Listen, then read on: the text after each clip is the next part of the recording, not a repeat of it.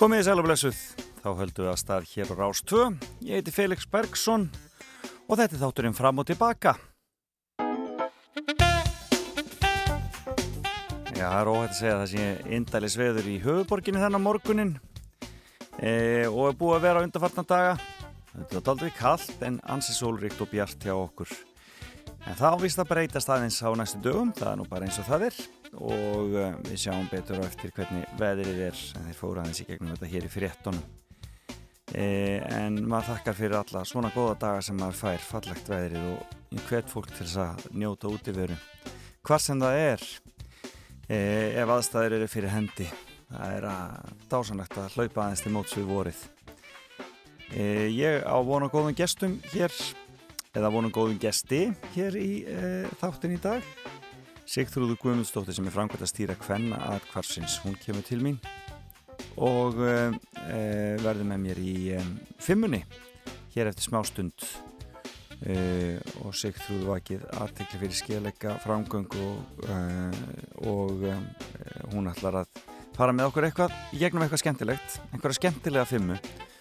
Heyrum af því hér betur eftir smá stund. Og svo ætlum ég að ringja til London eftir nýju og það er ungur leikari sem heitir Eistedd Sigurðarsson e, og e, hann tók sér upp á samt ástinni sinni, leikoninni Salome Gunnarsdóttur.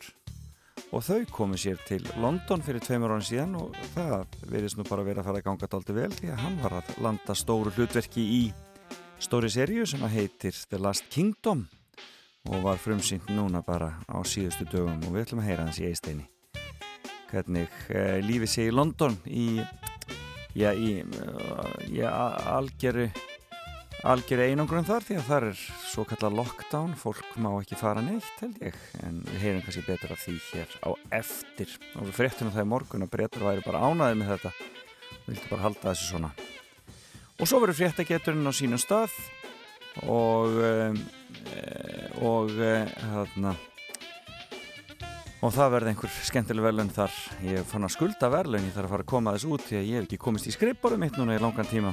Það er svona þetta þegar allt er lokað af á hérna e, á vinnustöðum. En það fer nú, þetta fer nú að, alltaf að batna. Bara frá með morgundeginum ekki reynilega þá fáum við að gera meira. Og ég lofa því að senda út verðlun í fréttaketurinn núna í vikunni. Og það kemur í ljóskort einhver tekur þau í dag. Ég skulda minnskust í tvö svona getur þetta verið. En við skulum byrja lagi dagsins og ég held mig á söngvakefnisnótonum þið vitið að ég er þar þessa dagana. Alla leiði sjónvarpinu mikil Eurovision veistla hjá okkur í sjónvarpinu. En engin ástæði til að hafa það ekki aðeins í útvarpinu líka. Og uh, ég revja upp yfirleitt eitthvað gamalt Eurovision lag íslenskt hér í byrjunum þáttar. Og nú er komið að Björgvin Haldósinni og læginu sem fór árið 1995 til Dublin. Það heiti Núna og hljómar svona.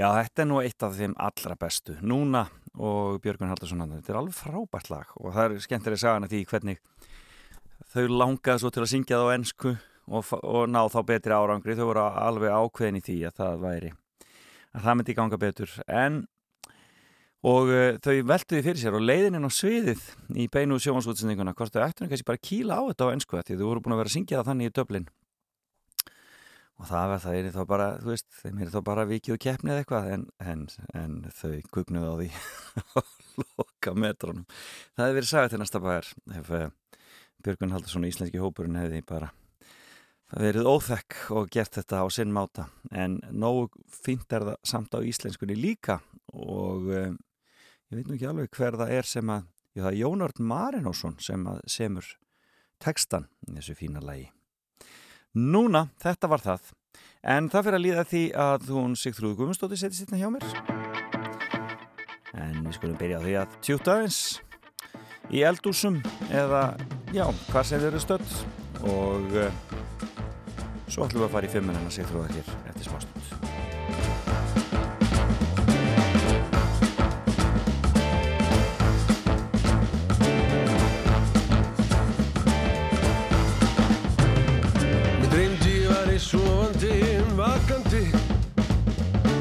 smástund.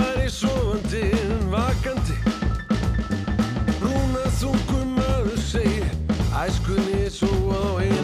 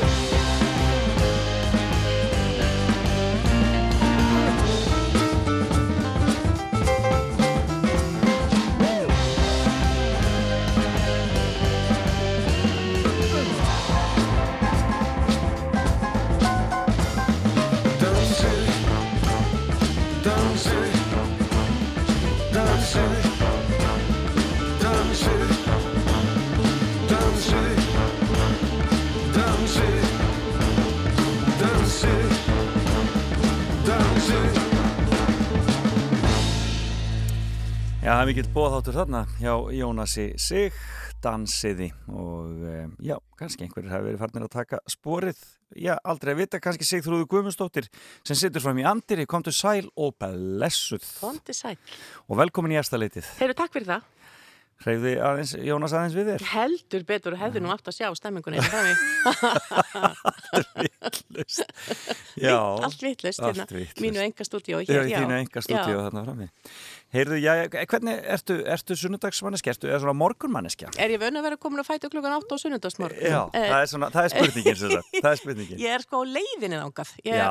langar til þess að verða svona morgunmanneskja Já, og ég, bara já, ég er, á- ég er á leiðinni þangað. en þú ert á hann amma, er það ekki? Ég er á hann amma, jú. Ég, þá verður maður að verða Þá, eða já, ekki? já, jú, sumamótna, náttúrulega vakna ég mjög snemma þegar, ég hef lí- lítinn mann í gistingu. Já, En jú, jú, það breytist allt lífið við að verða amma, þannig að þá getur maður að býja fólk orðið af fólk og allt gerst. já, akkurat Já, já, það er, er ímislegt sem getur gæst í því Já, En um, í starfiðinu sem frangatistýra hvenna atkvarsins, Mhm. það, er, það er bara þú ert ekki þar um helgar eða svoleiðis nei, ég er ekki í atkvarunum helgar, nei, Nei. En, en ég er svo sem alltaf, er einhvern veginn svona alltaf samt hálf, ég var alltaf með síman minn og Já, alltaf svona til, til staðar, en, en nei, ég er, þarf ekki að rífa mig á fættur og mæta á sundum. Nei, það eru er, er aðri sem reka það Það er aðri sko snillingar sem eru þar, Já. alltaf því gangandi. sjá, sjá um það En það var skemmtilegt að fá frá þér fimmuna því að uh, ég hef ekki haft bækur ansir hreint lengi, þannig að ég er voða gladur En fá skemmtilegt.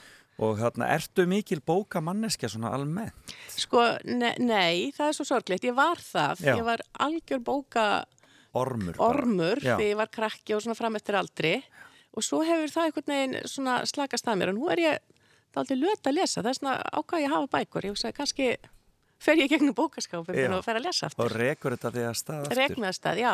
En hvar, hvar ólstu upp, sér þú? Ég ólst upp í, upp í sveit eh, sem að margir vilja nú meina að sé fallegasta sveitin á Íslandi sem heitir Hrunamannarreppur Já, já og hérna, og já, þar, þar bjó ég. Á Sveitabæ þar? Á Sveitabæ sem heitir Skipholt. hvað? Já, Var þar með bara mömmu og pappa og sískinum og, og rollum og kúm og og öllum bakkanum bara öllum pakkanum, já. og saknar þú sveitarinnar Sko, ekki sérlega vegna þess að ég er bara með annan fótið þar. Ég hérna á Ok. ennþá svona mitt annað atkvarf þar. Já, akkurat Þannig að ég þarf ekki að sakna hana sérst. Ef ég sakna hana þá fer ég bara þangað. Já, akkurat Þannig að þú ferð bara og stingur í samband Já, fer ég algjörlega, já. Akkurat En þú hefur þá verið sem sagt byrjuð að lesa uh, unga eða hvað? Já, ég var mjög lítil til að læra að lesa og hérna uh, það var endar eitthvað sem held í framöndaginn að ég væri sem sagt, eftir því sem ég eldist var ég yngri þegar ég læra að lesa. Já. Að nú, nú er fóreldra minni látið, það getur engin leiðrétt mig þegar ég segist að verið fluglæs, bara einsás eitthvað. En, en ég sem sagt lærði ég svona eldi bróði minn sem er þrem árum eldri en ég. Já, Þegar, þegar hann lærði að lesa þá lærði ég að lesa líka Já, og mamma held ég oft fram að ég hefði bara ekki litið upp úr bókum síðan. Og, og þá þótti það frekar löstur sko, þá verið svona latur krakki sem var alltaf hangandi inni að lesa. Svona amlóði. Amlóði og inniskjóða og eitthvað svona. Já, en hérna, núna þykir þetta bara mesta dásend er hægt að pína krakka til að lesa bók. Bókviti ég- verður ekki askana látið það mín. var einmitt sagt. Þannig ég hef verið gott barn í dag skilur. ég var bara fætt á vittlisum tíma Heyrðu en við skulum bara byrja á fyrstu bók Fyrsta bókin, já, það er einmitt bók sem ég las sem krakki. Ég, hérna, eh, hún heitir Á saltkráku eftir Astrid. Lindgren og er bara ennþá uppáhaldsbókin mín. Og hérna, ég lesi hana svo ofta, hún er bara föst í heilaberkinum á mér. Akkurat Þannig ef þið vantar einhvern tíma til dæmis upplestur, hann hefur ekki bók, Já. þá get ég bara á Geturðu saltkráku, ég er bara að fara kanna hana. e, e, en sko, þetta er nú kannski ekki svona algengasta bókin eftir Nei. Flestir eru í línu eða, Flestir er, lí- já, eða, eða bróðminn já, og allt já, þetta en sko, En hvað ég- var það við saltkráku á saltkráku sem að Sko saltkráka er svona góð fyrir svona jarðbundna leiðindapúka sem ekki, þú veist, endilega hafa trú af því að börn haldi á hesti eða, eða það sé líf eftir dauðan eða eitthvað slikt. Og hérna, já, Já. mér fannst það einhvern veginn alltaf betra að bækur svona einhvern veginn væru svolítið eðlilega. Og þarna saminaði, sko, saltkráku einhvern veginn, hún gerist í, á lítilli eigu sem er sveit, en, Mhm. en, en aðalsöguheitunar sumar eru, eru hérna, eru borgarfólk Já, og þetta er eitthvað svo, var svo einhvern veginn heitlandi að eiga, eiga einhvern veginn tvo staði til að búa á. Já. og hérna það var hérna drengur sem var svo mikill dýravinnur að þú veist, hann vissi ekkert hvað hann ætlaði að vera þegar hann var í stór en hann ætlaði að gera eitthvað með dýr og þannig var ég líka. Já, var ægilegu dýravinnur en Já. var ekki vissum kannski indilega vildi vera bóndi og svo vildi ég vera dýralæknir og svo saði mér einhver að þeir var aðeins að gelda hross og, og svæfa ketti. Oh og þá var það nú svona einhvern veginn ekki.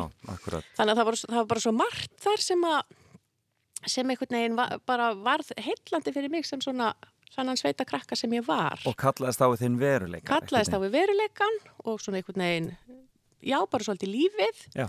Uh, það hjálpaði, sko, svo, sko var ekki verra að, hérna, Silja Aðalstinsdóttir sem að hérna þýtti bókina, hún er í fjölskyldinu minni, hún var gift móðu bróðum mínum Já, já, og, og gaf okkur bókina og við vorum alltaf, já, var alltaf stolt að því að þekkja hana. Og hérna og þessi bók hefur bara fyllt mér, ég las hana sjálf og svo las ég hana fyrir stelpuna mína og svo las ég hana fyrir frænguungana mína og, og hérna býð bara eftir að ömmudrengindin en að hlusta á hana Já, sem er ekki víst að verði. En hérna en, en ég með gera mitt besta. Já, svo með þess að ég hlustaði á hann um daginn á norsku, þá var ég að æfa mig í norsku og fannst gott að byrja að byrja bók sem ég kynni hvað sem er utan að.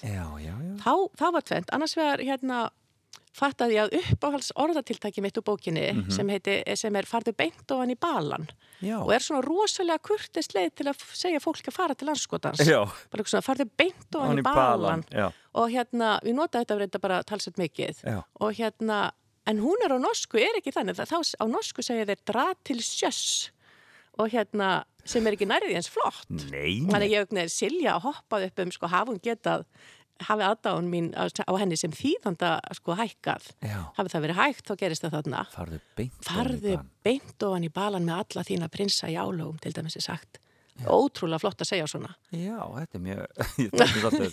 En, en, en tengingi við Skandinavíu, ertu með einhverja tengingu við Skandinavíu svona Eh, já, seinni tíð? Já, ég, sko, það eru orðið ekki setni tíð, ég, ég var þar í hérna í Líðháskóla, Já. mér finnst alltaf vera frekar stutt síðan, segja alltaf já, ég var nú ekki landsvíkur og Norri, en hérna, en ég var sem sagt bassafandi að dóttur minni þegar ég kom og hún er hún þrítug, þannig að auðvitað er það nú ekki fyrir að þið hitti fyrra. Nei, akkurat. En ég var alltaf haldið tryggð við hérna bara, hérna, fólki þar og Já, einmitt. þannig að þetta var svona Hvar í Nóri fórstu í þetta? þetta, var, þetta voru lítilli eigu rétt fyrir utan Bergen. Já, já, Fallegasta stað sem hægt er að hugsa sér. einmitt. Og ég var einmitt svo heppin endar í fyrra og þá voru 30 ár síðan ég hafði verið þar og þá var svona, svona hérna, reunion þar á eigin okkar. Guð minn góður hvað það var fallegt og Já. góðu tími. Og Svona þín saltkráka svolítið. Það var aldrei mín saltkráka, já. Já. Og svo gerist það líka þegar ég var að lesa hérna, hlusta á bókina um daginn. Ég hlusta á hann svolítið í strætó Já, og hérna, þá er hérna þessi kapli sem ég hef alltaf grátið yfir það þegar dýrin, þetta þau ímist deyja eða sleppa á hafút eða, eða, eða hérna koma alls konar upp og koma með dýrin og það er ég alltaf grátið svo óskaplega já. en ég hef svona góða þjálfun í að lesa með grátstafin í kverkunum og reyna að láta krakkan sem hlustar ekki fatta. Ég neitt sjúandi í nefið og, og, og svo var ég í strætó þegar þessi ósköput inni og ég grét svo mikið, ég þurfti að fara út úr strætó. Það var bara þannig? Já, kom allt og sendi vinna því ég þurfti að lappa við síðasta spölin, ég, get ekki setið hérna hágrenjandi yfir sel sem er sleppt út á, á hafút Já, var bara, það er bara þetta, það, já. Já, það fólk veit náttúrulega ekkert yfir hverju varst að gráta. Nei. alveg getað- það hefði eiginlega bara verið verri ef þau eru að haldi að ég hefði, hefði væri- í einhverju ræðilegu það er ekki vera að Akkurat. heyra sömu söguna í 7000. skipti Þetta er ótrúlegt. Já, en þetta er það sem þessar Astrid Lindgren bækur gera. já, Það er alveg bara snerta streng. snertamann algjörlega, já, Og ég veit ótrúlega ekki, kannski er það líka bara þessi, sko, þessi samnorræna einhvern veginn uh, upplifun. Við bara, við bara skiljum svo vel það sem hún er að, ég veit ekki, Já. það er eitthvað. E, e, e, kannski er þetta bara, uh, uh, er þetta bara hún, bara snildin hennar. hún er bara held ég, já, þessi snilt hennar einhvern veginn að, að láta manni líða eins og fólkinu sem er að lesa um Akkurat. Heyrðu, þá erum við konar næstu bók og það er íslenskur höfundur. Það er íslenskur höfundur, já, ertu þá... Kristján Þórður. Kristján Þórður Hrafsson, já, það er líka bók sem ég hef lesið oft, Drotti minn dýri. Hvaða, hvaða bók er Þetta er lítil bók, hún Mm. heitir Jóhann vil öllum í húsinu vel og þetta eru sonnettur og hérna eru svo fallega gerðar og hérna og er ekki svona eins og sonnettur eru oft svona hástemda lýsingar á einhverju heldur bara lýsingar á hverstasleika manns, hverstasleikanum bara í Reykjavík Einmitt. þannig að það er sonnetta bara um fólkið sem situr í bíl og er að býða á, á rauðuljósi og hvað eru að hugsa? Og einn er að laka til að komast heim til konuna sinnar og annar er að reyna að semja lag eða, þú veist, og þetta er hérna, það er svo, fallegt við þessa bók og ég hef búin að lesa hana svo oft því hún, hún gerir hverstasleikan svo fallegan og spennandi. Já, eitthvað bara svona hrút ómerkilega hluti eins og að fara út með ruslið eða eitthvað. Uh -huh. hann talar um það einhvern veginn þannig að það verður svo notalegt þess vegna held ég að ég mitt allir átt að lesa þessa bók núna þegar þú veist, fólk er svona lokað inni og við erum ekki að, ekki að lifa stóru æfintýrónum okkar. Nei, Það akkurat. átt allir að lesa þessa bók því að hún setur, gerir kvestasleikan svo eftirsóknarverðan. Ég er svona upphefur hverstasleikan. Upphefur hann eða einhvern veginn bara næstu því ekki einu sinni upphefur hann, einhvern veginn bara lýsir honum bara einhvern veginn þannig að maður sko einhvern veginn fatti, já þetta er, þetta er gott. Já, og sætti þessu svona, já, þessu svona við hann Sætti sig bara já. við hann. Já, Og bara svona, já, hann gerir þetta rosalega fallega. já, Og hérna, þessi bók kom út uh, 97 held ég. Svo gaf hann út aðra svona eftir bók uh, næstu í 20 árum síðar. Já. 2015 held ég. Mhm. Og ég lakkaði svo ofbáslega til að eignast hana og, og hérna og gerði það. En svo er ég svo nýskána því að hann, hann gefur hann bara út kannski á 20 ára fresti. já. Þannig að ég er svona sem sagt, spara mér hana, hún þetta er náttúrulega ekki mjög mikið lesning, þannig ég á ennþá eftir eina, eina sonnetti til að lesa. En skemmtilegt. Já, hann er pr alveg Hann príðrætt skáldan Kristján Þórður Hrafsson. Ótrúlega snjall og ég er að spá ég að hann vera að hlusta á hana þátt og þetta er kannski sko hvetjan til að kannski vera aðeins afkasta meiri Já. því að það er ekki hægt að býði 20 á. Eftir sonnetu? Nei. Nei, þetta er ekki hægt, sko. Er- Já, þannig að Kristján Þórður Hrafsson, eða þú ert að hlusta, þá bara hvetjum við þið hér með til að, að, að koma með næstu, næstu. Eh, hann er alltaf mikið að þýða og mikið að vinna fyrir leikhúsið og annað Mhm. slíkt og hérna, eh, ég held að hann hafi þýtt núna í vetur uh, Shakespeare verður ástfangin Já, í þjóðleikusinu. já, hann hefur örugglega gert það mjög vel. Já, Hann gerir allt mjög vel. hann- Já. Þórður, hann vandur sko. Þetta er allavega eitthvað sem, hann, sem er, já, sem er mér ekki óurlega væntum. Skemmtilegt. Ertu sko, ertu svona ljóðamanneska líka? Já, ég lest átti ljóð og það er kannski, ég, ég nenni því ennþá, sko, Já. þó ég er svona latara við, þú veist, Við svona, já, við stærri, svona stærri bækur, já, að að ljóð get ég alltaf lesið, já. einmitt. Les mikið að ljóðum, já. Eh, og hvað er það við ljóð sem að svona höfðar til, veistu hvað það er? Er það þau- þessi knappi stíl sem að... Já, já, allir það sé ekki bara gott fyrir letibúka sem er Já. ekki að lesa mikið. það er eitthvað bara, þau verði eitthvað svo, þau- bara eitthvað, neð, sko, ég meina stundum, meina, flest ljóð sem ég les kannski hreyf ekkit sérstaklega við mér, en Nei. svo kemur eitt og eitt sem einhvern veginn inn á milli, ljóð sem að einhvern veginn segja, já, í svo fáum orðum, ótrúlega einhvern veginn, setja mann á okkur stað. Ótrúlega mikla sögu, já, já, já. Við tölum aðeins betur um þetta kannski hér á eftir, en það er Mm. komið að þriðjubókinu og það er, og það eru bækur sem þú segir bara eldgamla bækur frá afa í kotinu, lönd og líður. lönd og liði, það er það sem að, það kemur, það er aftur í æskunni, sko, það hérna, ég held að mamma hafi ert þessar bækur eftir afa minn í kotinu og hérna, þetta voru sem sagt bara svona bókaflokkur, ég held að Mhm. það hafi verið gefin út eitthvað bara svona 1950 eða eitthvað og hérna, og var sem sagt um alls konar lönd og Já. líði sem að mér fannst nú alltaf svolítið svona dónalegt að segja, svona líði, þessi líður þarna, en, hérna, en þetta var ekki dónlegt sko og hérna og þarna ég lá í þessum bókum algjörlega og ég veit ekki hvort það var þarna sem einhvern veginn útþráin í mér kviknaði. Ég Já. alltaf verið einhvern veginn, alltaf vita að mér langaði til að ferðast Mhm. og ég vissi það svona um þetta leiti að ég held ég hafi verið 11 ára þegar afi dó þannig að þá komu þessar bækur inn á Þá kom þessar heimili. bækur. Já, akkurat. Voru Og hér- myndir í þessum bókum? Já, það voru myndir, svona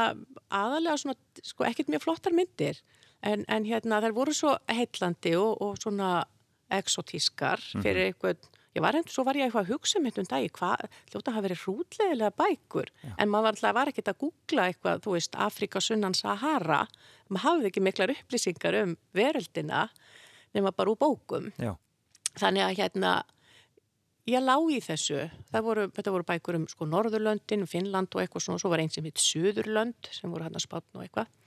Og svo var Afrika, Sunnan, Sahara sem var alltaf bara toppurinn á tilverunni. auðvitað. Já, Og stundum finnst mér þegar ég er á ferðalögum og nú hef ég verið svo heppin að geta ferðast heilmikið eftir ég var fullorðin Mhm. og stundum þegar ég er í einhverjum svona stórkostlegum aðstæðum eins og, eins og þegar ég var, var á Ethjópi og hitti þar hérna múrsikonurnar sem eru konur sem eru sem er svona disk í neðri vörunni sem að, þú veist, af, afskræmir það svolítið í framann, tekir, fallegt um þær slóðir, en þegar ég er einhvern veginn svona aðstæðum einhvern veginn að ripna úr hamingju, þá finnst mér ég vera í bók, lönd og líðir bók. Svona, og það er einhvern veginn toppun og nú er ég svo sögu þetta í lönd og líðir eitthvað söður lönd. Afrika, Sunnan Sahara já, Þannig að þetta var, kom bara með heiminn í skipolt svolítið þessar bækur. Já, Dr. Livingstone Dr. Livingstone, já. Þarna, en, en, hérna, en þú hefur náttúrulega ferðast mjög mikið og, og ég fyrir staðins með þér, þú við, til dæmis verið uh, mjög aktiv í, í, í Palestínu uh, málum og barist fyrir, fyrir réttindum uh, Palestínu. Já, ég hef fengið að fara til, já, til Palestínu í, hérna, í svona, svona sjálfbúðastörf. Akkurat, og, og, og er það upplifin sem að þú mæli með? Já, það er hérna það er alveg óskaplega bara einhvern veginn sko, skemmtilegt þó að sé margt óskemmtilegt sem gerist þar um slóðir. Og hérna já, ég hérna hef farið tvísor og ég vona svo sannlega að ég geti bara farið. Þetta verið árfið sviðburður. Og ferðu þá í ólífut Já, tínslu, þá ég farið í ólífut tínslu við ferðum þá vegum hérna svona alltjálega kvennasamtaka. Já. og þar erum við bara nokkra kellingar sem búa saman í einu húsi og svo bara gerum við það sem einhverjir kallar í þorpinu segja okkur að gera. Er já, já. aðeins svona hristir upp í feministanum feðraveldi tekur aðeins völdin feðraveldi rýfur okkur að stað. En, hérna, en, en það er vist þannig sem það virkar best, segir fólk og ég bara, ég bara þetta eiga er líka ráða já, en hérna það eru þeir sem kom okkur í hérna, tengslu bændurnar og svo, svo tínum við ólífur og svo tökum við þátt í mótmælum og, og hérna bara einhvern veginn erum þarna. Já. en að hluta til erum við líka bara sem sagt, er maður bara að spóka sig þarna í litlu þorpi og, og hérna ótrúlega, hendar mér afskaplega vel. Það er dásamlegt þarna, þessar slóðir. Þessa, Já, þetta er alveg og þetta fólk sem þetta býr, þetta er svona baráttu þrek og æðruleysi og bara svona einhver gleði og já, já, svo stundur bara hundlegilegt líka þetta nei, og þetta, hérna já, bara já, svo, og svo lífið er. Já, já, algjörlega. Heyrðu, við skulum taka okkur smá pásu. Jeps. Uh, skellum hérna, hún er Júniusef meimant hérna undir og svo fáum við síðustu tvær bækurnið hennar í fimmunni. Flott. Hlustum á Color Decay.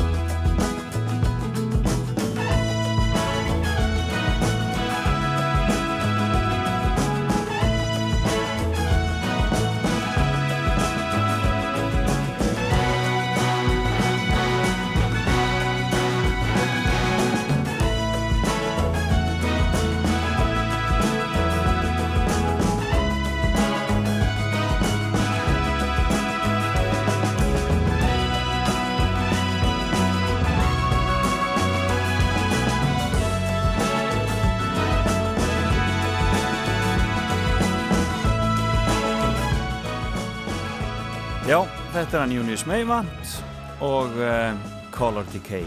Beint úr efstaleitinu í Reykjavík. Fram og tilbaka á Rástfö. Já, þeir eru að hlusta fram og tilbaka og uh, við erum með hana Sigþrúði Guðmundsdóttur hérna hjá okkur og við erum að fara í gegnum fimmuna hennar sem eru bækur og við erum búið með þrjár skemmtilegar Sigþrúður. Það er þarna á Saltkráku eftir aðstillingur en Jóhann vill öllum í húsinu vera eftir Kristján Þór Rapsson og Lönd og Lýðir hvorki meðinu minna. Svo mikla bóka uh, þarna, Röð, bóka röð. En uh, sko þetta eru er mjög mismunandi bækur. Les, ertu svona ég bara lestu bara eiginlega uh, allt ég gerði það meðan Já. ég, meðan ég, meðan ég meðan ég var já, læs. þá, las ég allt, já. Þarna um þryggjára aldurinn þannig þegar þú byrjaði já, þá var ég að spændi í gegnum heilu bókaflokana já, ég las alveg gríðilega mikið. Maður bara las það sem að- bara maður rakst á sem krakki. Já, og hérna svo maður maður náttúrulega meira svona uh, sko já, svo velum maður kannski meira þegar maður eftir því sem maður verður latar að lesa. Já, og við erum hérna- komin að annari ljóðabók sem Já. er fjörðabókin það, já, það er, það er hann Jæja Hassan. Það er að Jæja Hassan, já. Og ég verða að viðkjanna ef ég hefði verið hér fyrir viku þá hefði ég kannski ekki akkurat verið með þessa bók. Nei, en af því að hann dó í vikunni þá Akkurat. hérna uh, fór ég að hugsa um hann aftur. Já. hann skrifar þessa hræðilegu ljóðabók um, um uppvöxt sinn sem, sem sagt, hann er, hann er ríkisfangslögs palestínumæður fættur í Danmörku alin upp þar sem, sem sagt uh, í, við fordóma samfélagsins og þetta hryllilega ofbeldi á Já. hálfuföðu síns og þegar hann kom hérna og fyrir nokkur árum síðan var þá bara átján ára held ég hafði þá slegið í gegn með þessum ljóðum sínum en Já. endilega afla sér ekki bara vinsælda með þeim og hérna það lýsir hann þá kefti ég bókina og hlustaði á hann og, og hérna og ég bara gati ekki klárað hann og hún var svo hryllilega sár. Nei, akkurat, og, svo og hræðileg. Og hérna og svo þegar hann dó í núna í vikunni þá ætlaði ég nú að drattast til þess að klára bókina og hérna og, og hérna e, pauðaðist hún eitthvað áfram með hana sko þannig ég fór að reyfja hann upp og svo þegar ég fór að velja bækurnar hérna með þér þá Já. fór ég að hugsa hvort að maður geti komið með bók sem maður hefði ekki eins og klárar Nei, akkurat og þá hugsaði mér það lítur að vera áhrifaríkasta bókin sem að er svo hræðilega að maður getur ekki eins og lesið hana. Nei, hann, menn hann er 24 ára hann 24, já, þegar hann og, fellur frá sko. Já, En hann átti greinilega við geðræn vandamál að stríða. Já, já, hann var um bara átt, já, og hann var bara átt náttúrulega við alveg hróðaleg vandamál að stríða. Og ég man ég hugsaði þegar ég hérna kynntist, kynntist honum þannig eh, eh, þá hugsaði með mér sko hvað væri hvað börn lifða af ótrúlegustu hluti. Þetta ofbeldi Einmitt. og, og, og svo aðstæðu sem hann sko lend, kemur sér í sjálfur Auðvitað, síðar. já, já. en svo auðvitað lifði hann ekkert af. Hann Nei, bara nei. lifði voða stutt. En, en það er samt uh, það er samt svona ákveðin fegurð í sumu hjá honum Já. þegar hann lýsir og hann, hann hérna hann myndi mig á, sagt, stundu vantar okkur orði við hluti og, og það vantar svo orð á íslensku sennilega útlensku líka yfir hérna, yfir fólk eins og hann sem að hérna, það er fólk sem að einhvern veginn sér að einhver annar er að lenda í einhverju algjöru helvíti já, og hann gerir allt sem hann getur til þess að bæta hluti sem faktisk kannski breytir ekki miklu en er samt tilraun. Og, og hann, hann, hann lýsir því sem að þegar pappin er að berja hann í spað já, og í næsta herbygg eru sískina sem að vita að þau eru næst í rauðinu og, og hann lýsir því að öskrin í þeim, eiginlega yfirgnæfi öskrin í honum sjálfum, ángistarópin í sískinum hans. Og pappin lætur hann eh, velja hvort hann lemur hendur eða fætur. Hann, segir, hann, hann segir eitthvað eins og pappi segir ekki habibi sem þýðir svona elskan eða vinnu minni eða eitthvað heldur, heldur hendur eða fætur. Já, og svo kemur hann fram og bróður hans er næstur í rauðinni og þá lýsir hann hvernig hann klæðir bróður sinn í sko sokkana sína og segir veldu fætur. Og þú veist, það sagt hann getur ekkert gert, hann veit á að fara að berja litla bróður hans í spað en það eina sem hann getur gert er að sko set, setja hann í auka sokka. Að, og segja hann að fæturni verði já, þessi skára með fæturnar. Og þetta er eitthvað svona ég stundu lesu um svona fólk sem að hérna horfir það er eitthvað helvíti að rinja yfir einhvern og þú gerir einhvern veginn allt sem þú getur Já. þó það sé svo ómerkilegt að, að hérna, þú veist, maður gæti eiginlega slefti já, það akkurat vantar orðið fyrir svona fólk Já. svona gjörðir Já, akkurat. Þetta er ótrúlegt. Já, og, mm. hana, og kannski einmitt í svona þínu starfi sýnir uh, hvað ofbeldi getur verið ofbóðslega uh, niðurbrjótandi og, þarna, og bæði þetta að lifa af en líka þetta hvaða er niðurbrjótandi og erfitt fyrir manneskjörn að burðast með Já, allt sitt líf. allt sitt líf, já, og, og bara, og, og hérna, og bara þessi ángist barna við þessar aðstæður. Já. Og hérna, hann lýsir því mjög vel, Já. og þó að, einmitt, sem betur fyrir búið kannski, ekki öll börn á heimili við svona róðalegar aðstæður, sko, Mhm. en þá er það samt, þú veist, óttinn og það að einhvern veginn, já, vera alltaf hrættur heima hjá sér, sko. Já, það er lýsir þessu alveg, þannig að hann lýsir eitthvað svo vel eh, einhvern veginn hann lýsir líka sko, hann lýsir því að alast upp í ofbeldi og verða fyrir öllu þessu ofbeldi en, en, en hann lýsir líka sko, leiðir okkur, sýnir okkur ofbeldismann verða til Já. því hann sjálfur auðvitað Já, já. leiðist út á mjög ræðilegar brautir Einmitt, akkurat. hann er rosalega vo- vond bók og góð bók sko, Já, sár Að, já, og enda vakt hún gríðarlega aðtekli. gríðarlega aðtekli og einhvern veginn tókst honum að, Mest selda ljóðabók held ég frá upphafi. já er það Upp, ekki? upp, jú, í Já. Danmarkum, ég las ég eitthvað staðar, þessa þessa fyrsta bókin hans. og hann var svo ótrúlega sko flottur var einhvern veginn, mann fannst að hann væri sko, já, þegar hann kom hérna til landsins og las upp í, í Norrannhúsinu og kom í viðtöl og svona mann fannst einhvern veginn, hann var svo ótrúlega einhvern veginn, sko maður sá einhvern veginn ekki á honum allt þetta sem hann hafði lendi í, sko, sem Nei, er glæsilegur, glæsilegur maður. óbóðslega fallegur Já, en átti svo aldeilis, aldeilis við sína á sínu vandamál tjö- Já, held svona ég. sínu djöfla að draga. Þarna, e, þessi, e, þarna, það að fara inn í þennan geira, mm Mhm. hva, hva, hva, hvað er þetta í þér? Varstu, hafður áhuga á samfélagsmálum og varstu pólitísk sem barn og svoleiðis? Nei, mjög, ég, nei, ekki sérlega pólitísk, nei, Nei. og ekki áhuga sérstaklega, og ekki samfélagsmálum, áhuga, áhuga á nei. samfélagsmálum, nei, ekki, ekki sem barn, nei. Svo bara, mér hefur nú eiginlega fundist flest sem að uh, kemur fyrir mig í lífinu uh, er svona einhvers konar tilviljanir bara og, og oftast er það bara, ég er mjög heppin með tilviljanir oft, sko, og hérna, ég lendi bara þarna inn í, í þessu starfi svona bara, já, það var svolítið mest heppni, sko, já. En, en En varstu þá búin að læra eitthvað í háskóla eða svoleiðis? Já. Varstu í, í, í félagsráðkjöf eða? Nei, ég læri félagsfræði Já, og hérna, en það var líka tilviljum því að ég var bara þarna ein með litlu stelpuna mína já. Búin að fara í, hérna, Búin að- fara í til Norex í, Líðaskólan? búin að fara til Norex og komin aftur með, með þetta barn í eftirdrægi og hérna hugsaði mér nú þannig, ég ætlaði nú alltaf að bara eiginlega búa í Noregi en ég ætlaði bara að fara heim og fæði þetta barn og fara svo aftur út svo, svo er náttúrulega alltaf svo blönga, ég átti ekki eins og verið sko rútunni til Keflavíku næstu, þú veist. 12 árin eða eitthvað, þannig að það fór nú ekki mikið um það en hérna en svo var ég með hérna, hérna pössun, hátti indislega dagmömmu og hérna, sem passaði samt ekki allan daginn sko. Nei, passaði bara fram að háti í fjóra dag í viku eitthvað slíkt. Og þannig að ég bara tók allar s- sundaskrár háskólans og bara sá hvað ég gæti lært. Já. og bara svona heimsbyggi, hm, nei, hún er kendi eftir háti, ég get ekki lært hana. Þannig að ég valdi mér svo sem ekkit félagsfræði ekkit, ekkit endil, ég hef aldrei, þú veist, það er margt sem ég hef ekki farið í en hérna, ég vissi að það er alltaf eitthvað svona frekar svona humanist hún var verk, verkfræðin var semst ekki fyrir mótnana verkfræðin á- var ekki fyrir hátti hún var ekki nei, hún var ekki fyrir sko setnipartið, annars annars ætti við, já, annars væri nú lífið mitt orðið öðruvísi. Já, eða ég hefði kannski orðið skurðlæknir eða læknir og væri nú í COVID-fárinu. Hugsaði hvað ég slapp nú, Já, slapp svona, nú fyrir ótrúlegt. ótrúleg, ótrúlegt lán. Þannig að já, ég var búin að læra það, svo var ég honum kennari en var á þessum tíma hérna fórstuðum að félags- og skóla og þjónustu snæfellinga Já, já, já. þegar hvenna atkvarfið auglist eftir nýri framkvæmtastýru og, og hérna, já, ég bara var svo ótrúlega heppin að fá það starf. Já, einmitt. Og þar hefur verið. Og hvað er þetta orðið mörg ár? Þeir eru að verða þúsunda ár, en þau eru, já, þau eru að vera 14 reyndar, 14 ár, 14 já. Svona líða nú tíminn. Svona þýtur tíminn, en það er ég ofta að segja við starfskonuna mína, það er kannski að segja hvort við ættum að lagi, fá eitthvað fyrirlestur eða, eða fá eitthvað í heimsókn og ég segi já, nei, þeir voru hérna um daginn munið ekki og, og engin mann neitt og ég er svo hvað er maður að bjóða upp á einhverja fræðslu og engin hlustar, Já. en þá er það kannski, þú veist, 12 ár síðan og engin var að vinna það nema Nei, ég. akkurat á þeim tíma. En, er, en þeir eru í smá átaki núna, uh, uh, hef ég tekið eftir Já. í auðlýsingum og öðru slíku og það náttúrulega tengist þessu ástandi núna með, með innilokun.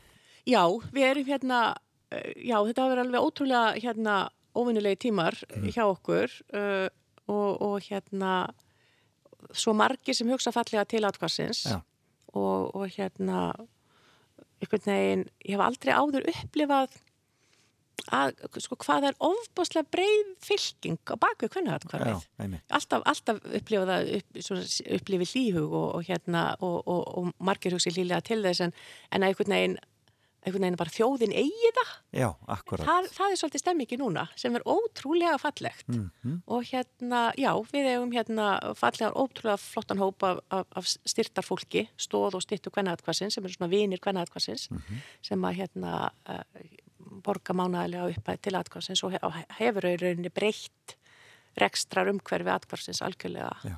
gríðarlega mikið er þannig að gert okkur klifta að hérna að aðeins Að að láta, í- já, já. Og, og láta vita af ykkur núna og svo já, En svo síðan er það bara byggingarna stóru, er það ekki? Það Síðan erum við að byggja. Litlu, litlu íbúðunar. jú, byggjum eins og herfóringjar, Já. átján, átján litlar íbúðir Hvenær verða þær tilbúin? þær eru að vera tilbúin næsta sumar það er að sumari 2021 Spennandi. svaðalega spennandi við erum búin að hérna, við erum búin að vera rosa mikið að tala um undanfarin ár, fermetra og, og Já.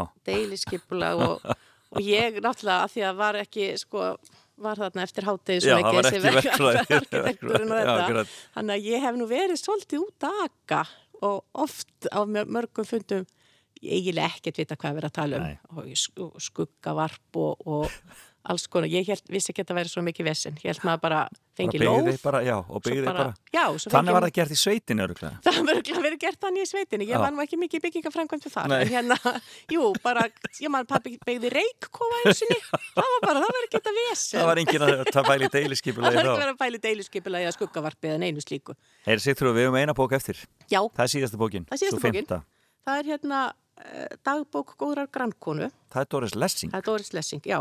eftir. Og hérna, uh, ég las hana, ég hefði ekki sérstaklega verið hrifin af bókum eftir Doris Lessing.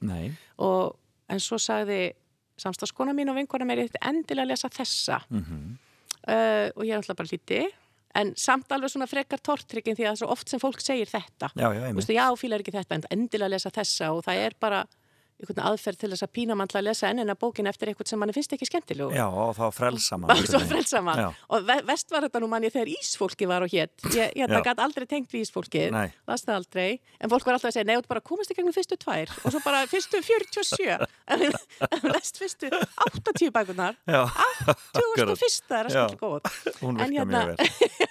En þessa, ég tók þessi bók með mér til hérna San Sebastian, ég var þar í hérna nokkra vikur fyrir nokkrum árum síðan að læra spænsku eða nei, ég var í spænsku skóla, ég læri nú ekki. Nei, Læri þú lærir ekki mikið, nei. Já, nei, ég læri ekki mikla spænsku. En hérna tók bókina með mér. Fannst þú mjög góð. Mhm. uh, man ekki drosa mikið eftir henni samt nema það er ein setning sem hefur bara algjörlega verið mín setning síðan. Og ég man hvar ég las hana það, það sko, San, San Sebastian er ótrúlega falleg borg. Og, og það á að vera sól þar og svona það ringdi allan tíma sem ég var þar. Já. nema það var hérna einn dagur sem var sól og lág svona einstaklega vel á mér. Ég farið á kaffihús og þjóttnin þekkti mig og mér fannst ég vera svona heimamaður sko. Mhm. pantaði kaffi og, og, á spænsku sem er náttúrulega ekki, ekki það flóknasta í veröldinni en átti svona smá samskipti á spænsku. Fannst ég vera bara dátil spánverji svona baski orðin Já, og las þó þess að var að lesa þessa bók og þar kemur þessi setning sem er vist bara besta setning í heimi. Þá, þá segir konan bókinni þá ákvað ég að læra að verða öðruvísi þetta er ekki flott setning. Jú. þetta er bara svo, svona einhvern veginn maður getur verið einhvern veginn að þetta er svo mikil bjart sinni Mm maður er svo oft sem maður segir, ó ég er nú bara svona. Já, já, ég Já. er nú bara eitthvað svona og hins einn já, já, ok, ég er svona, ég vil ekki vera svona þá bara læri ég að verða öðruvísi. Akkurat. og ég til dæmis ef allt, alla tíð verið afskaplega óstundvís kona og það er bara því að ég er alltaf svo óöfn með tíma einhvern veginn, hann er, ekki, hann er bara stýttir heldur en maður heldur hann sé Algjörlega ekki gerðu fyrir þig. ekki gerði fyrir mig Nei. og stundur leggja og senda stað og þá augljóslega kemur og, hérna komur og senda á staðinn Já. en hérna, nú er ég búin að sem sagt ákvað ég einhvern tímann, að læra að vera öðruvísi og í morgun til dæmis var ég átti að mæta klokkan áttamannstu Já, nei, nei, lagði hér fyrir utan sex myndu fyrir áttan það er bara, Eins og ekkert væri, þú varst mætt bara mjög snemma, sko. Já, sem bara hvað ég nú að gera? Þannig að hérna, hérna, það er bara þessi setning sem tengir mig við þessa bók uh, að læra að verða öðruvísi og ég bara hugsa þetta mjög oft. Já, það, nú þurfti ég bara að læra að verða ekki svona. Og þetta er eitthvað svo þetta er einhvern veginn ekki sem að sé ómögulegur að þurfa að breyta sér. Það er eitthvað svo stórt. Nei, það er bara að vera öðruvísi. Þetta er alveg briljant og príðileg loka ár því að tímin er hlaupin frá okkur. Tímin hlaupin Sigtrú Guðmundsdóttir, kærar þakkir fyrir komuna í fram og tilbaka þennan morgunin Takk fyrir og, að koma. Og takk fyrir fimmuna þína. Takk fyrir. Bless, bless.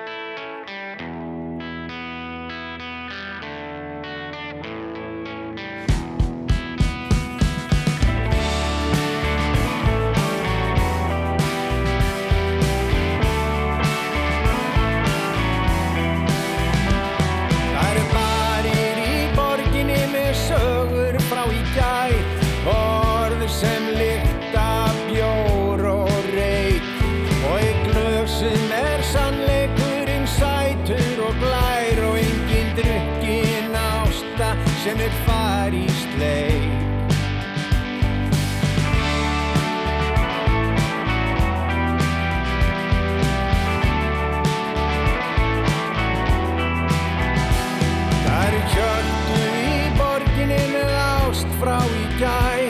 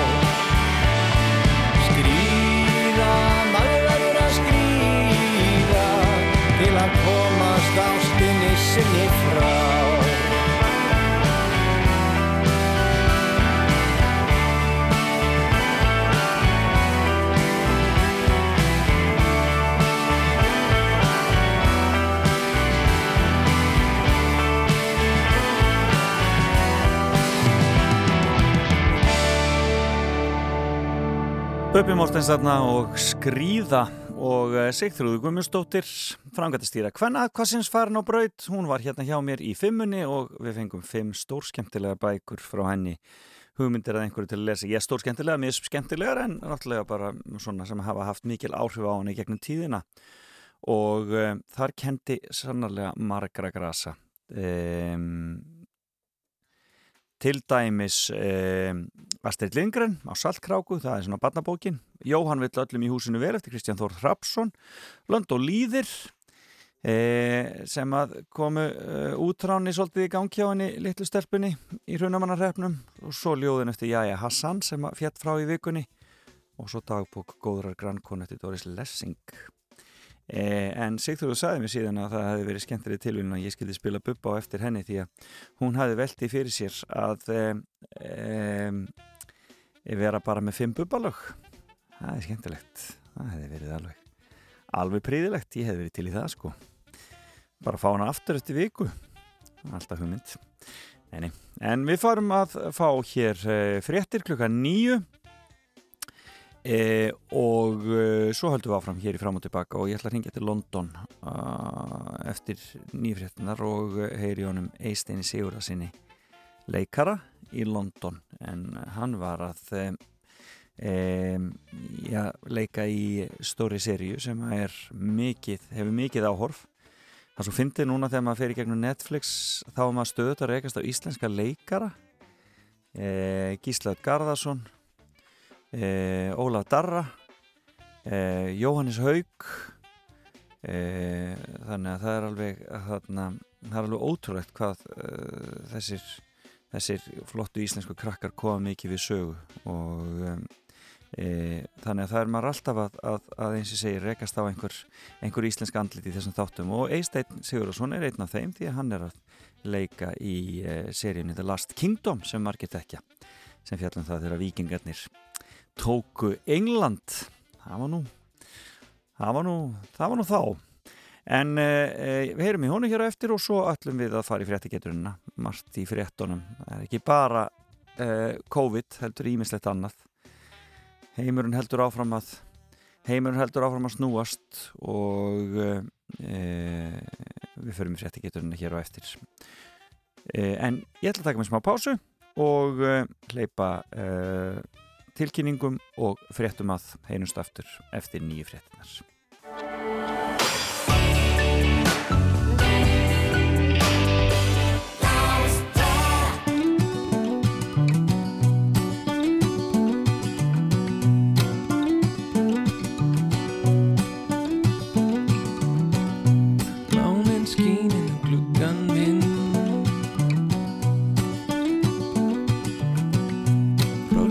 Kallt býtur morgunin Og borðið sullast kaffi tá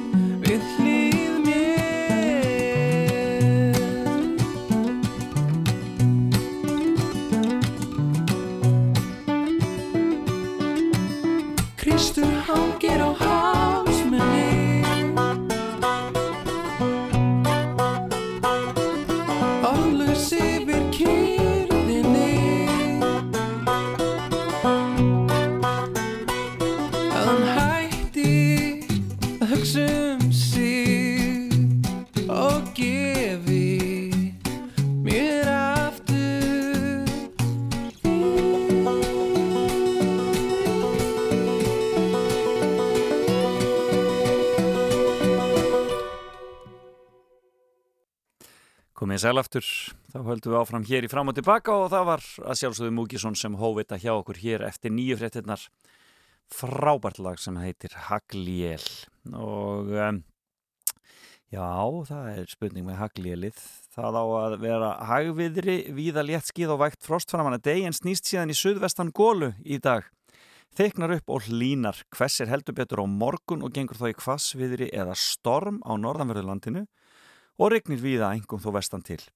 Og ferðamenn á Norðurlandi er því kvartir til að aka varlega engum með aukutækinu viðkvæm fyrir vindum og á þriðudag dregur heldur úr vindi og léttir viða til en áfram skíjað með söður og vestuströndinni og veðrið helst myllt og úrkomi litið fram eftir vikunni en fer síðan heldur kólandi.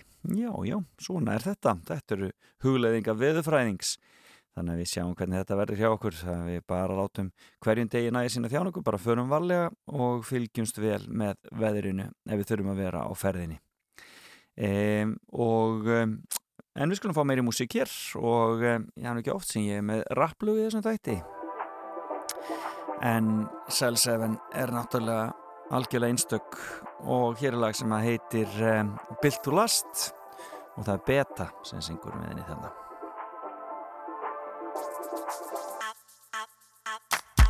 I've been through it all and no one's ever gonna hold me back cause I'm that clever. When I do my thing, I do it better than fresher than better than anyone can tell. What I did and what I do, hey, who I was and who I knew, yeah. I'm the one that made it through, yeah. Nobody do better than I do. I am not your average type. I do what I like. I live in the light, play in the night.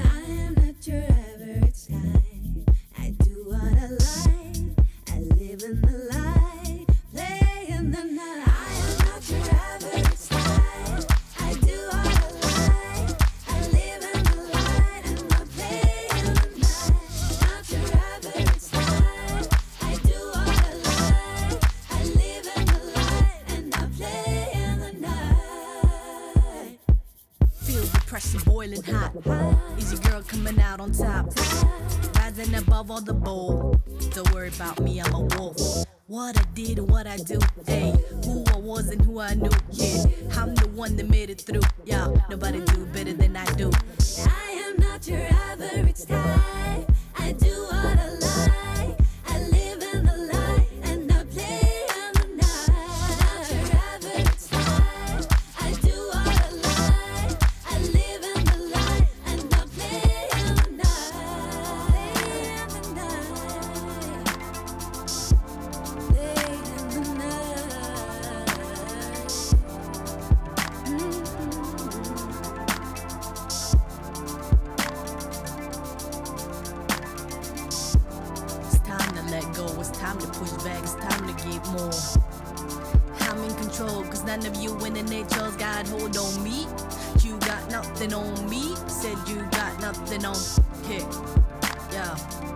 listen. I'm the one that taking care of business. Been around the block for a minute. Got nowhere to go cause I'm in it. So we're independent and I'm living. I ain't the one to be played. Been through the bullshit and back and I stayed. Give me the facts and give me them straight. I want it all and it's never too late. Yes, I'm running the show, I'm giving the orders. I'm front of the line, I'm pushing the borders. I'm saying goodbye, I'm leaving the past. The one left standing, built to last. I am not ever it's time. Do what I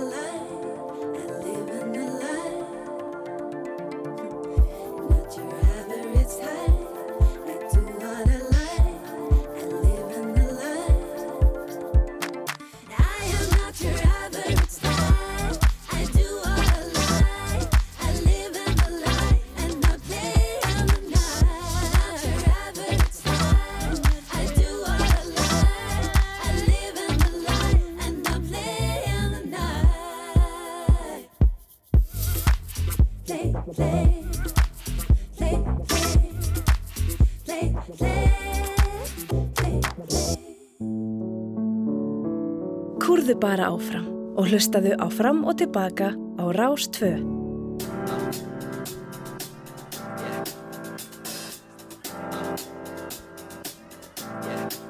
I got this feeling inside my bones. It goes electric wavy when I turn it on. Off from my city, off from my home. We're flying up no ceiling when we in our zone. I got sunshine in my pocket, got that good soul in my feet. I feel that hot blood in my body when it drops. Ooh, I can't take my eyes off of it, moving so phenomenally. Come on, like the way we rock it, so don't stop.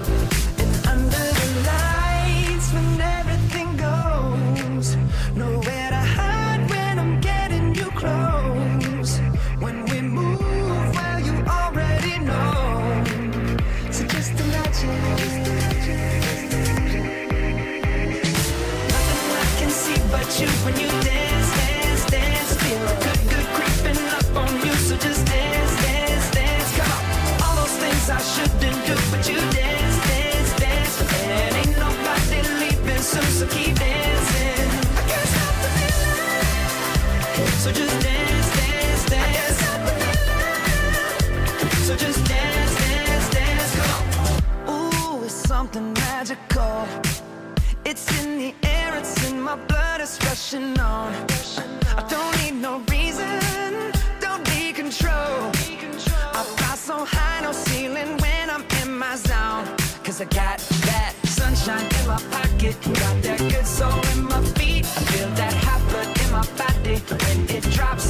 Ooh, I can't take my eyes off of it, moving so phenomenally. You're more like the way we rock it, so don't stop, stop,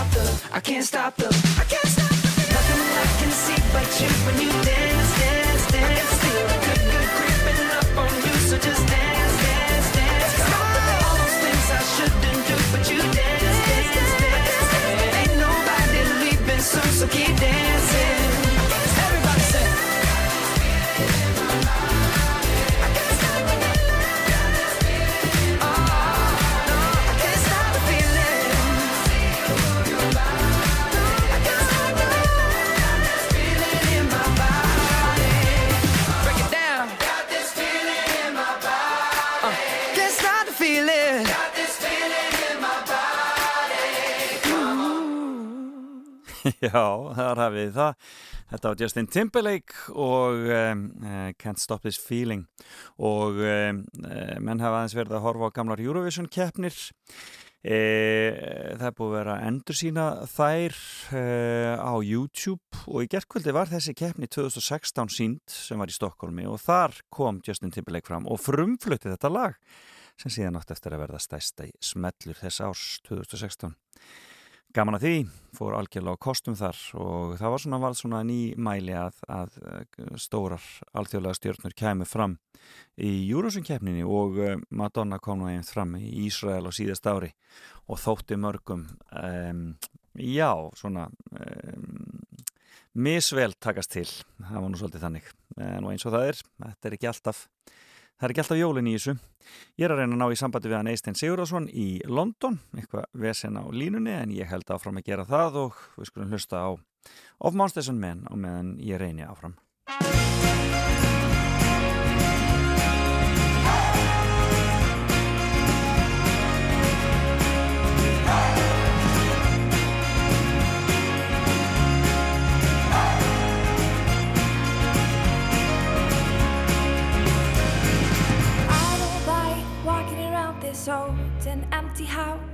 So hold my hand, I'll walk with you, my dear. The stars creak as you sleep, it's keeping me awake. It's the house telling you to close your eyes. And some days I can't even trust myself. It's killing me to see this way. Cause though the truth may vary, this ship will carry our bodies safe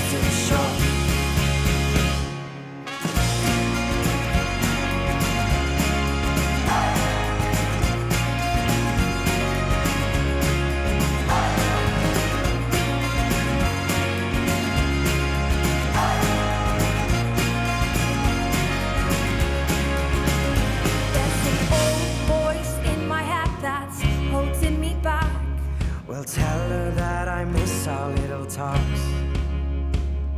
Soon it will be over and buried with our past. We used to play outside when we were young and full of life and full of love. Some days I don't know if I am wrong or right. Your mind is playing tricks on you, my dear. Cause though the truth may vary, this ship will carry our bodies Don't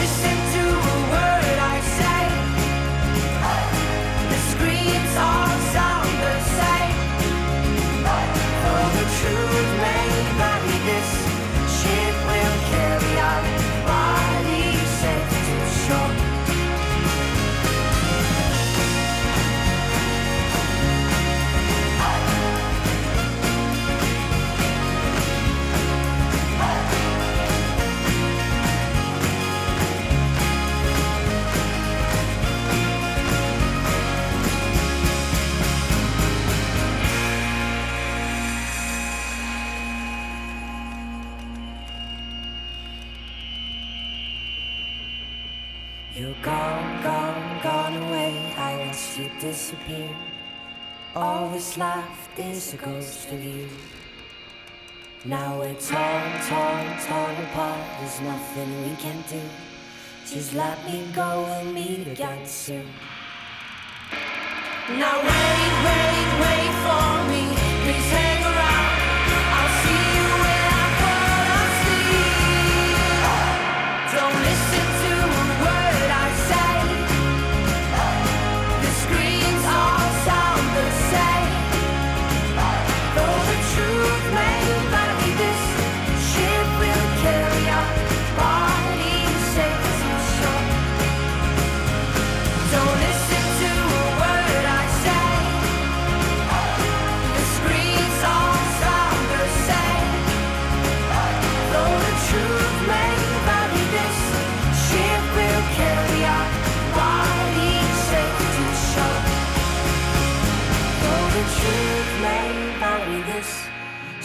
will carry our body safe to shore. Though the truth may vary, this ship will carry our body safe to shore. Já, Of Monsters and Men og um, þeirra frábæra Little Talks og það má nú eiginlega segja að þetta lag hafi einhvern veginn já, búið til bara nýja tónlistastefnu það hefur búið að vera alveg ótrúlega mikið af lögum í svipum stíl sem hafa komið og eftir þessu svakalega stóra smelli þeirra í Of Monsters and Men. Nei, heyrðu, þar með er hann dottin út greinlega hann Eistið Sigurðarsson Ó, nú þarf ég að fara að ringja aftur. Þetta er nú meira vesenið. Ég veit ekki hvað er að gerast með símkerfi hérna hjá mér. Eða hlustum aðeins og nýtanska meðan ég ringi í Eistein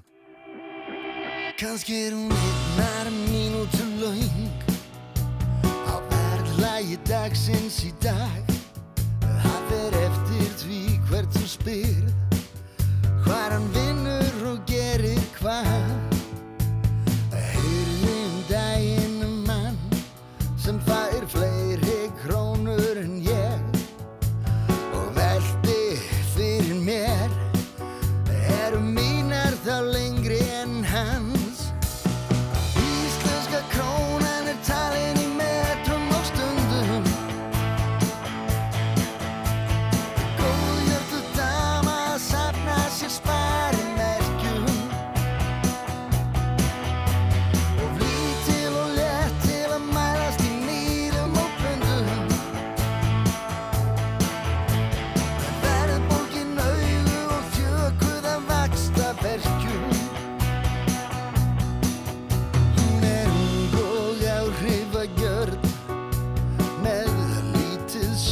out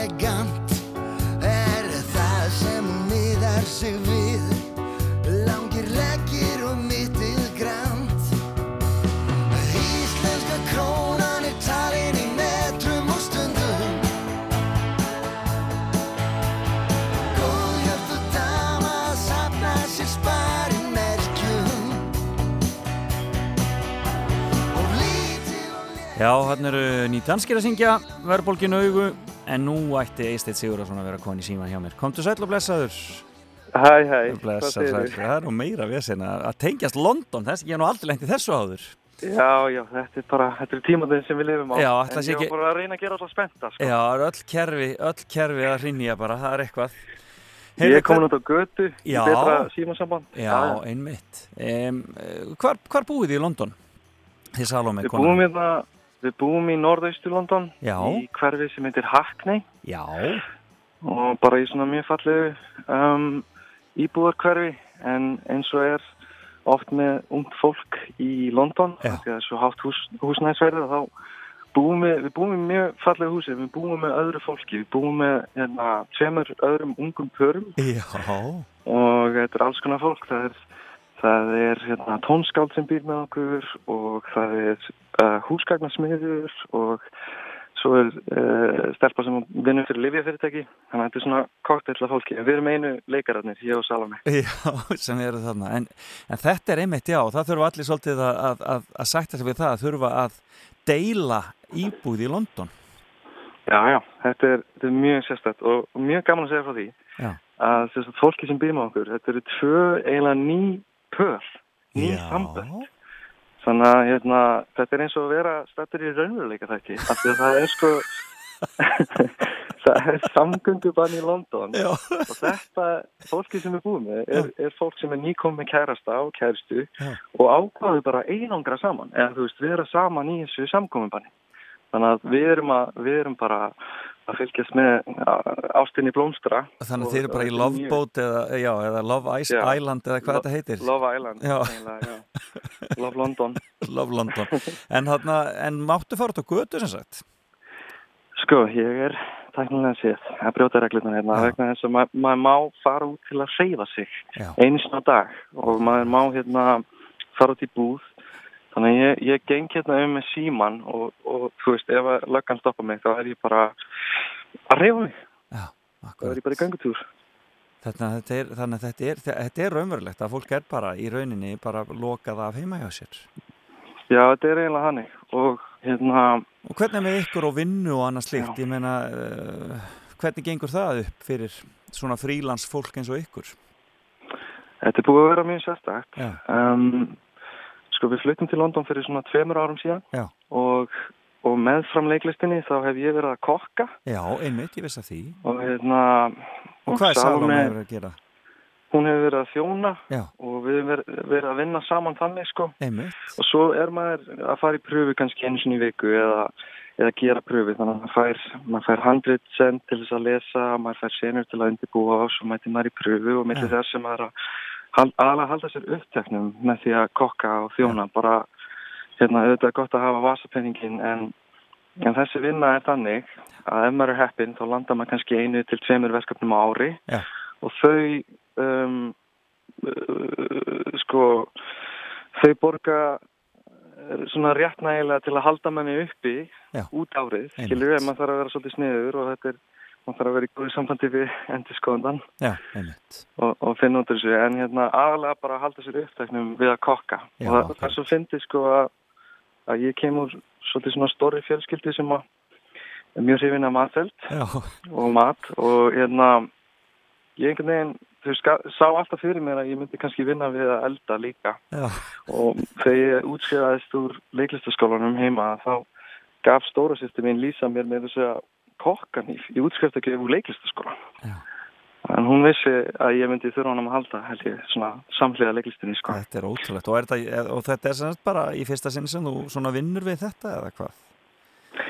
Sko um leið og ég útskrifaðist úr leiklistaskólanum og þá hérna, fekk ég síntöl frá leikúsunum og að spyrja hvort ég vildi koma í einhverjum síningum sem var æði en ég fekk líka þann draum uppfylltan að hérna yppa á hótel Flati á Breiðafyrði því mig um, og bauði mér starf sko í eldusinu þar.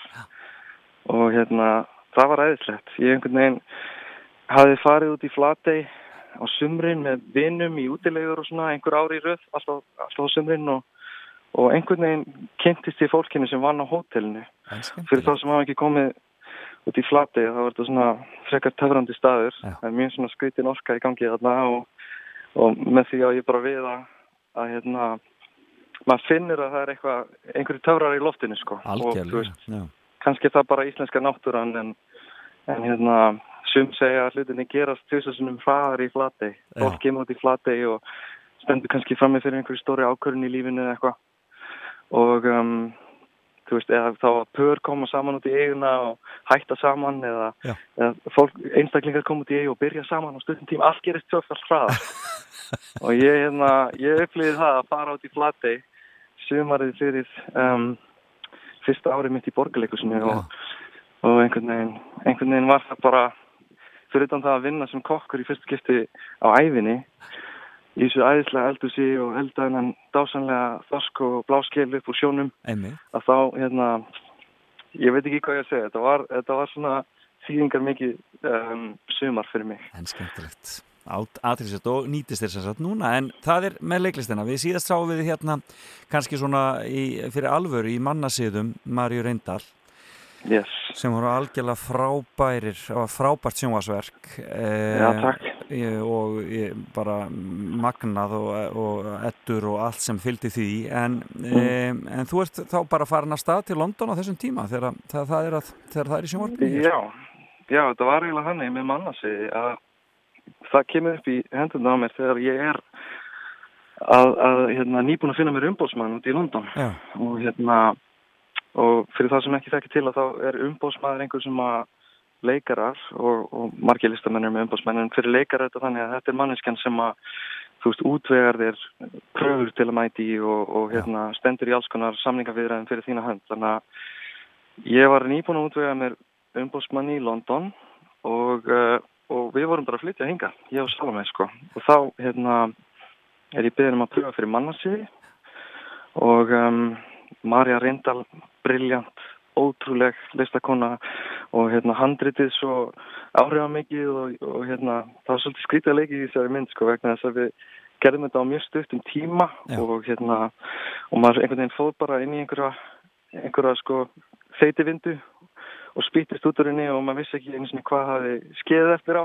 En, um, en, en já, það var, var magna því hvernig það gerist en, en uh, já, nú erum við búin að vera hérna í London að mæti frúður og ég er búin að leiki í nokkrum litlum verkefnum. Svona, um, eða sko ég leiki í nokkrum litlum senum í kannski stórum verkefnum, mætti ég frekar að segja en fyrsta stóra hlutverki mitt sem ég fæ hérna úti var þessari vikingaserju The Last Kingdom á Netflix einmitt. sem var að koma út Hvenær gerðu þetta? Hvenær, kom þetta? Hvenær varst að taka þetta upp? Uh, ég fór og leki þessu í Budapest Já. í Ungarlandi síðasta sumar Já, já. og var í svona sex vikur við tökur í Budapest og hérna tökurna fóru fram í svona litlum miðaldaforpum sem að sviðsmynda og leikmynda henniður hefur bara reist frá grunni út í sveitunum fyrir utan Budapest ótrúlega magnað að koma ánga, maður lappa bara inn í einhvern heim sko, einhvern bara þú veist þetta er eins og Disneyland fyrir, fyrir vikinga Já, akkurat. og hérna og uh, það var svolítið magnað sko að lappa inn í þetta og, og fara beint úr því að leika átjónara mentaskóla pilt á Íslandi að leika Já. froska vikinga uh, hérna, ílmenni eitthvað. En, um, en, en aðalega bara sérstætt að koma inn í svona ótrúlega sko töfrandi kvikmynda professional heim Já, ég meina m, sko bransin heim á Íslandi er magnaður líka Já. en ég hafði aldrei tekið þátt í svona stóru verkefni Svona veist. verkefni, akkurat. já, já, já, veist, En- og hérna En þeir breyta Mhm. aðeins, þeir, þeir síka þér hárið og gera þeir svona, já, þeir, þeir breyta þér aðeins fyrir þetta. Já, þessi, já, þau setta mig hárkollu og þess að fyndið að hérna amma mín sem ég veit að er að hlusta, hún sendi mér sko sem ég sá hann, Felix er að að ná í þig Felix er að að ná í þig Já, já, ég skilja það. amma, Amma fylgist með. papp- Já, amma fylgist með, amma, amma mín og pappi minn og, og fleiri í föðurættinni þeim fannst ég svo líkur brindisi hérna föðursystinni með þetta síða hár, það þetta ekki brindis um, en já, ég er með mjög síða hárkvörli Já. og það er reynda líka búið að setja mig uh, mjög svona ljótt ör Já, yfir Já. Það var ekki heilmikið hérna- vinna að búa þetta til alltaf þá hverju mótni að þeir farið var í, í Jú, ég meina, sko, ég, ég vissi ekki neitt. Ég bara vissi ekkert hvernig þetta er því og ég get bara sagt þér það að ég var, við Salome vorum að vinna, um, við vorum að vinna, sko, ég, ég var að kokka þegar ég fæ síntalið um að mér hafi bóðist þetta hlutur. Já.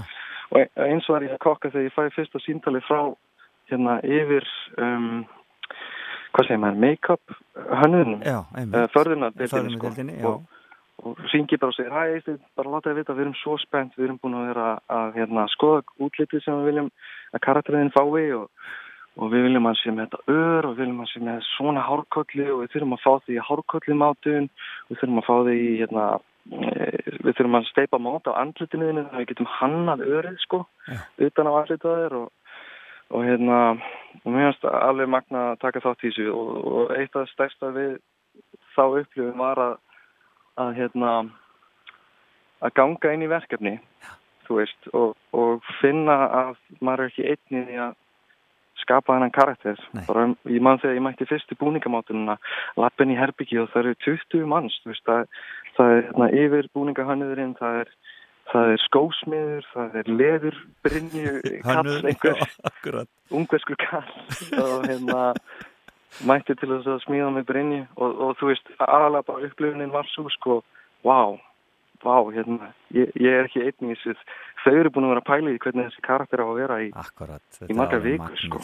Já. Svo bara farið bara, bara að læra textaðin og gera þetta bara eins vel og mögulega getur. Jú, einmitt, en, en, en þetta er sko, þetta er, þessi þáttur heitir The Last Kingdom Já. og ég leik svona vondakallin í fjórðursýrju. Já. uh, fjórði þáttaröð en, en þetta er byggt á bókaflokki þannig að það var líka sérstætt fyrir mig að geta um, bara farið á netið og leitað mér upplýsinga um hennan karakter og, og lesi bækurnar líka þú veist, ég gætt glukka í bækurnar á hann að ég fór og leika þetta Já. þannig að um, ég var svona ég var mjög spenntur að takast á þetta verkefni og, og hérna, já Og nú má sjá afraksturinn á Netflix. Já. E, það er bara allir þættinu komnir eða ekki. Það er bara allt, Eh, allt dottið inn, eða ekki? Eða hvernig er það? Já, þetta er nefnilega ekki svo einfalt.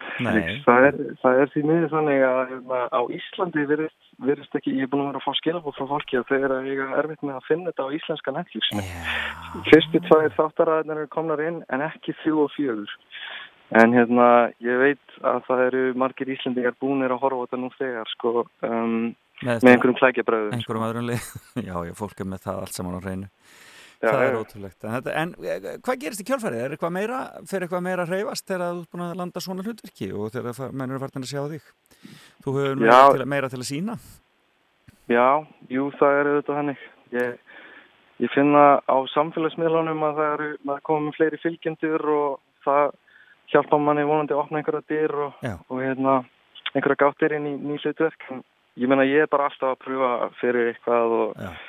Og það eru einhverju verkefni framöndan. Ég má auðvitað aldrei segja frá neinu. Nei, nei, er þetta eitthvað eins spennandi. með, þetta, eins með þetta Last Kingdom sko, þegar maður svo skrítin vinna að, að maður pröfa fyrir eitthvað, maður er ótrúlega spenntið, maður fær hlutarki, maður má ekki segja neinum frá því. Engar myndir á Facebook og ekki neitt, þú varst ekki... Ekki neitt, Nei, sko. Ég, ég er búin að vera í Budapest í sex vikur og ég má ekki segja neinum bara nánustu vinum, ég má, ég má alltaf sína myndir af mér. Nei. Og svo árið setna, þá kemur þetta út. Akkurat. Og þá syngir Felix í mann og þá Já, fær maður að segja frá þessu, sko. Já, já, svona er þetta. En uh, Salome, er hún að eh, prófa líka á, í þessum sama, í þessum sama bransa? Já, Salome er, er bara í nákvæmlega sem spórum og ég Já. og gengur bara rosalega vel. Hún er, hún er hérna, núna er ég að lappa og reyna að finna hana, sko. Ég er komin einhvern lengst út af göti. Um, Passaði löggan takkið ekki? Salome baði mig um að vera ekki að tala um mikið um hvað hún er búin að vera að gera en Nei. ég, ætla samt að gera það. Hún, hún hérna er búin að vera að leika í þáttum sem að heita Nightfall sem er hérna á Netflix og hún er búin að vera að leika í þáttum sem heita Pennyworth sem er alveg æðislegir og byggja á baksögu Britanans Batman. Já, já, Um, einmitt. Batman er með Brita sem heitir Alfred Pennyworth sem að kannski einhver þekkja úr bíómyndunum og þessi þættir sem að heita Pennyworth Fjalla sem. Salome var að leiki í fjalla um þann karakter Alfred þegar hann var ungur maður og áður en hann í rauninni áður en að Batman fæðist og Salome er sagt að leika karakter í þeim þáttum sem heitir Patricia Wayne og er drikkveld sýstir Tómasar Wayne sem er pappi Batman Já, drikkveld Þannig að- sýstir. Já, Þetta er frábært, Eysteinn, þetta er frábært. Bara, við höldum áfram að fylgjast með ykkur og bara hvetja ykkur til dáða. Þið bara rúlið þessu upp hann í London og passið upp á þetta og passið upp á ykkur sjálf og þarna heyrumst fljótlega vonandi aftur. Til hamingju Ok, með allt sem að þið eruð að, að barndusa þið, þið takk fyrir það og takk fyrir að ringja Já, gaman að heyri þér. Ok, við erum í bandi Já, bless, bless. Já, þetta var Eistitt Sigurðarsson í London og því líkt sem að þetta gengur vel hjá þeim uh, Salome og honum og um, við höldum áfram að vilkjast með og ég mæli með þessum frábæri þáttum The Last Kingdom. Heyrðu, það er aðeins farið að síða og setni hluta en við höfum fréttagjörðunin eftir ekki fara langt. Það verður Eurovision vika á RÚV í mæ. Á rúf.is skástrík 12 stík getið þið valið ykkar uppáhaldslög Í sérstöku Eurovision fyrir partíi þriðudaginn 12. mæ uppljóstra þau Felix og Björg hvaða lög verða fyrir valinu og keppa í íslensku Eurovision gleðinni okkar tólstigum sem verður á dagskrá 14. mæ. Svo er það förstu dagurinn 15. mæ þá förum við í partí með Dada í beinni útsendingu Við lokum svo Eurovision vikunum með glæsi brag 16. mæ. Við byrjum á Europe Shine a Light í beinni útsendingu frá Hollandi. Beint í kjölfarið verður svo Eurovision Party. Verðum með okkur í Eurovision skapi í mæ. Veiðibúð allra landsmanna á netinu er opinn dag og nótt. Sendum samdægus. Veiðihornið.is Velkomin á Fætur. Fram og tilbaka á Rástfö.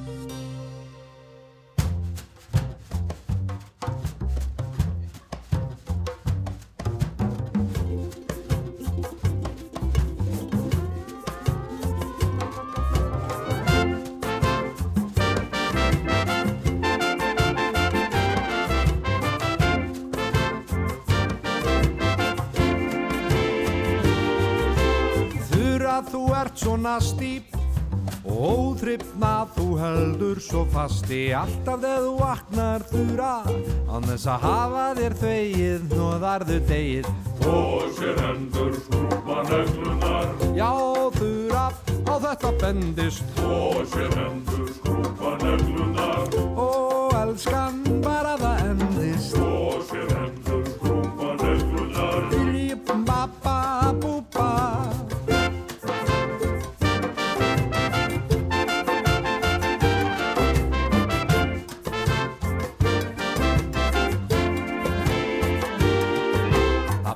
sem morgnan að byrja. Að bón og sópa og bænirna kyrja. Bara svo í morgun slappinn. Taka vel til og tæma svo koppinn. Og sér hendur skrúpa neglunar Og þurra bara það endist. Og sér hendur skrúpa neglunar mm, Vinnan á þetta bendist. Og sér hendur skrúpa neglunar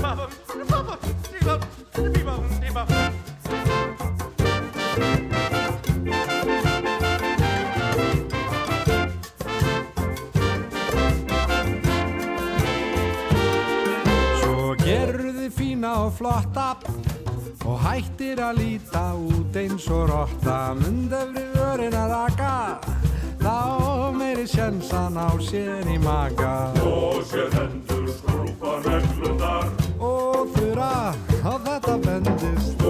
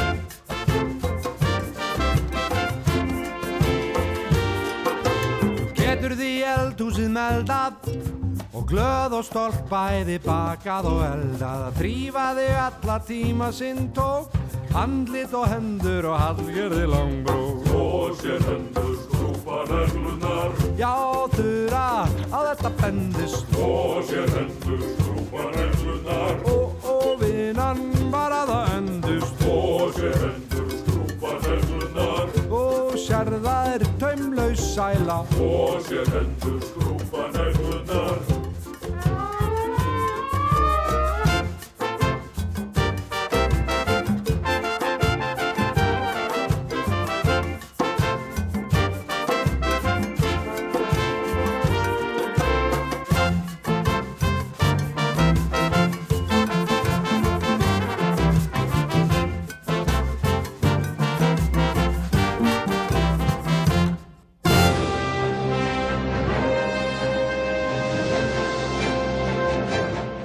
kæru vinnir, þetta þýðir bara eitt. Fréttageturinn raunin af stað og nú getið þið ringt 5687123 5687123 Þið fáið 10 sekundur, svo byrjum við.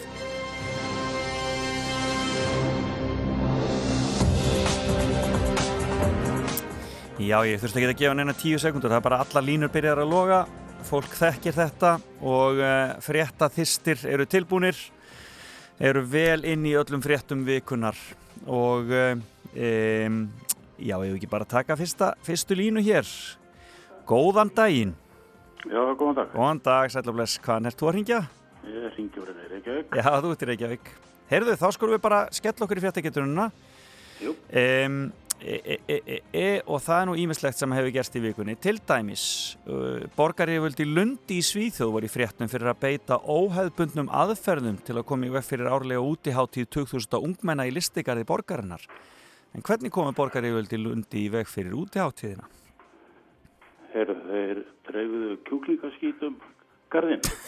Já, það mun vera á rétti að þér það var bara, það var tryggt að, það, það var tryggt að enginn myndi vilja setjast setjast í það grasið Nei, það er ekki líkt að vel. Nei, en það hefur ekkert komið meitt svona, það hefur ekkert komið meira en það hvort að menn hafi samt eh, maður þarf eiginlega bara að tjekka á því í fréttum Svona er þetta. Heyrðu, jæja, þetta var hár rétt hjá þér þannig að þú ert komið eitt rétt.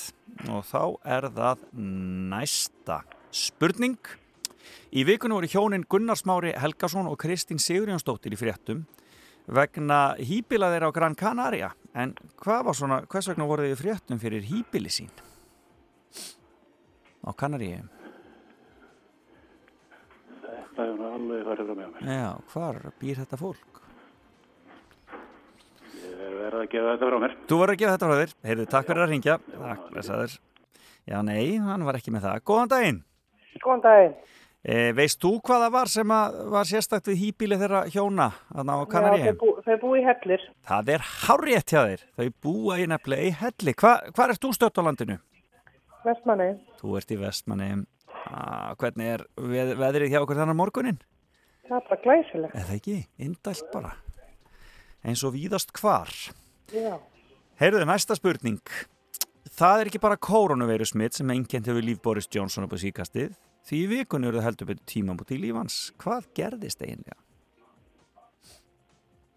Þegar hann, hjá hverjum sér þau? Boris Johnson, það var ekki bara koronaveiran heldur eitthvað Nei, annað sem gerð Hann fætti barn og uh, þau eignuðist barn og uh, skýrðu barni í höfuð á lakni. Já, þetta er hárétt hjá þér Já. Hann og unnast hans eignuðust sem sagt barn í vikunni og já, barni nefnt eftir eftir, eh, eftir læknunum sem að voru að, Já. að annast hann Jæja, þetta er á spennandi, þú ert komið tvö rétt Já. nú er spurning hvort þú tekur það þriðja mm, mm. Mm, mm, mm, mm. Hérna kemur það. Í vikunni fór bílstjóri Guðlöks Þórs Þórðarssonar á eftirlaun. Hann er utan ekki satt auðvitað Guðlögu Þór. En hvað gerði ráþerran í tilefni starfsloka bílstjórans? Það veit ég nú ekki. Já, þetta er nefnilega alltaf merkilegt. Starfslokk? Já, bílstjórin var að hætta að vinna og á síðasta deginu gerði Guðlögur Þórdóldi sem að rataði fjölmiðrana. Hvað gerði hann í tilefni starfsloka bílstjórans? Ég verði að gefa þetta frá mér. Er það? Ætlar ekki eins og skjóta? Hvað á ég að giska á? Ég gisk, ég giska. Það bauður bara út að borða. ég vissi að hann hefði gert það líka en það var ekki það sem kom í fréttunum Takk fyrir að ringja ok, já, takk, bless, bless. Já, hvað gerði Guðlögu Þór? Góðan daginn Góðan dag. Sæl og blessi, veist þú hvað Guðlögu Þór gerði? Já, hann ók honum um. Já, hann ók bílstjóranum þann daginn Það var nefnilega daldið gott sko að Guðlögu Þór settist undir stýri Þetta er hárétt hjá þér Hvað, Hvaðan er þú er ert í Reykjavíkinni Heyrðu, það er þá hér næsta spurning Í vikunni tilkynnti Kari Alvik Grimsbó að hún væri hætt í handbolta. Grimsbó er eina bestu markvörðum handboltasögunar. En við spyrjum, hvers lensk er þessi Grimsbó? Er hann ekki dansk? Nei, það er ekki rétt. En takk fyrir að ringja. Já, takk. Takk fyrir, já. Hún er ekki dönsk, hún Kari. Hvaðan er hún? Góðan daginn. Já, góðan daginn. Góðan dag. Veist þú hvaðan hún er hún Kari? Hún er norsk. Hún er norsk nefnilega, það er hárrétt hjá þér einn, og alveg ótrúlega flottur markvörður og einn af líkilmönnum þeirra í öllum þessum velunum sem þeir hafa verið að vinna undanfarið. Heyrðu, í vikunni var ráðin nýr borgarittari. Hver var það? Í henni Reykjavík. Já. Ég get, Það ég er get, alveg farið fram með mér. það hefur alveg fyrir að ræða þér. Það er miklu betri hellunum. þú varst alveg með hellana. Heyrðu, já, þú ert ekki með borgarittaran. Nei, Nei, heyrðu, ok, takk fyrir að ringja. Já, blessaður. Nei, þetta er að renn út hjá okkur tíminn. Góðan daginn. Góðan dag. Sælurveis, veist þú hver er nýr borgarittari? Þorstein Gunnarsson. Það er hárétt hjá þér. Kom alltaf leiðin að norðan til þess að taka við því. Heyrðu, þá er það bara, þetta eru bara hraðaspurningar núna til að reyna að klára þetta. Í vikunum tilkynnti Finnur Árnason að ætla að hætta sem fórstjáru í íslensku fyrirtæki. Hvaða fyrirtæki stýrði Finnur? Hugum. Það er hárétt hjá þér, hann stýrði högum. Og síðasta spurningin sem ég er með á mínum lista hér er svona. Leiðtói Norður Kóru hefur mikið verið fréttum í vikunni. En hvað heitir leiðtói Norður Kóru? Hvað er Kim Jong-un? Kim Jong-ung. Ég heyrði, ég bara gefði rétt til þetta. Kim Jong-un er það. Það var, þú veist bara mjög, það, það, þeir, þeir heita svo mismunandi Kim Sing uh, hérna, og allt það, þannig að þetta, þetta hafðist hjá þér. Hvað heitir maðurinn? Magnús heiti ég. Magnús Hversson Æðvaldsson. Eðvaldsson. Ertu, hvað ertu stattur á landinu? Ég er á Kvamstanga. Þú ert á Kvamstanga, heyrði ég, er þetta sami Magnús og vann um daginn? Já, ég er eins náður í þér. Já, heyrðu, ég ætla að senda þér uh, velunnið þín. En er ekki búin enn? Nei, bara tveir fyrir eitt, já. Það er tveir fyrir einn, heyrðu, ég sendi þér tvö velun þá. Heyrðu, kæra þakki fyrir að ringja og kæra kvæður og Kvamstanga. Takk fyrir það. Takk fyrir, bless, bless. Já, Magnús Eðvaldsson tók þetta í annað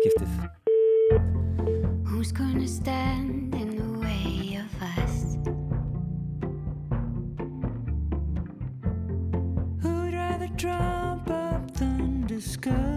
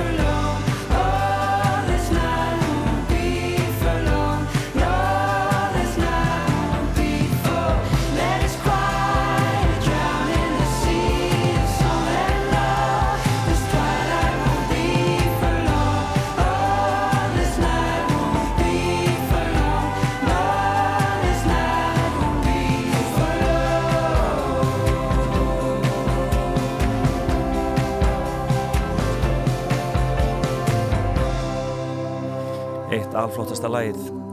Undarfærið Crossroads, Helgi Jónsson og Emiliana Torrini þarna og þakk ykkur öllum sem tóku þátt í fréttageturinni. Hún verður að sjálfsögða sína staði til viku. Er bílinn klár fyrir ferðalögin innanlands í sumar? Hvort sem þú ert á leiði langferðum landið með fjölskyldunni eða í ísbíltúr, þá er líkilatrið að hafa bílinn í lægi.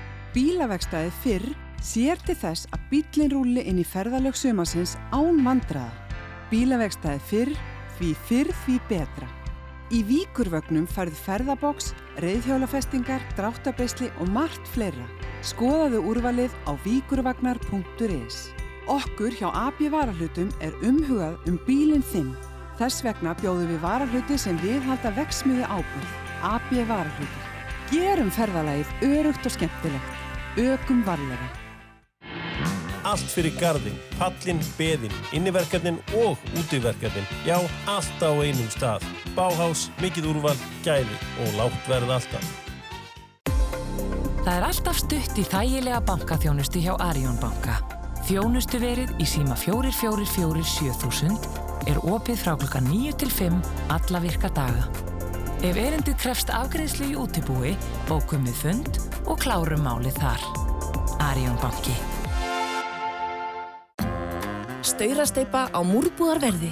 Múrbúðin. Gott verð fyrir alla, alltaf.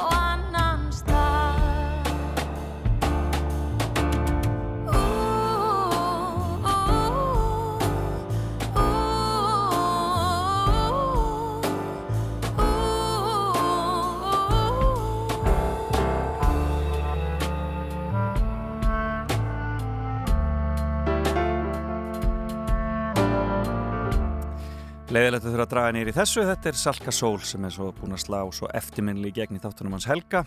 Eh, upp á síðkastið og bara slæri gegn hvar sem hún kemur, þessi dásamlega söngkona. Og þetta er úr Róa Hetti.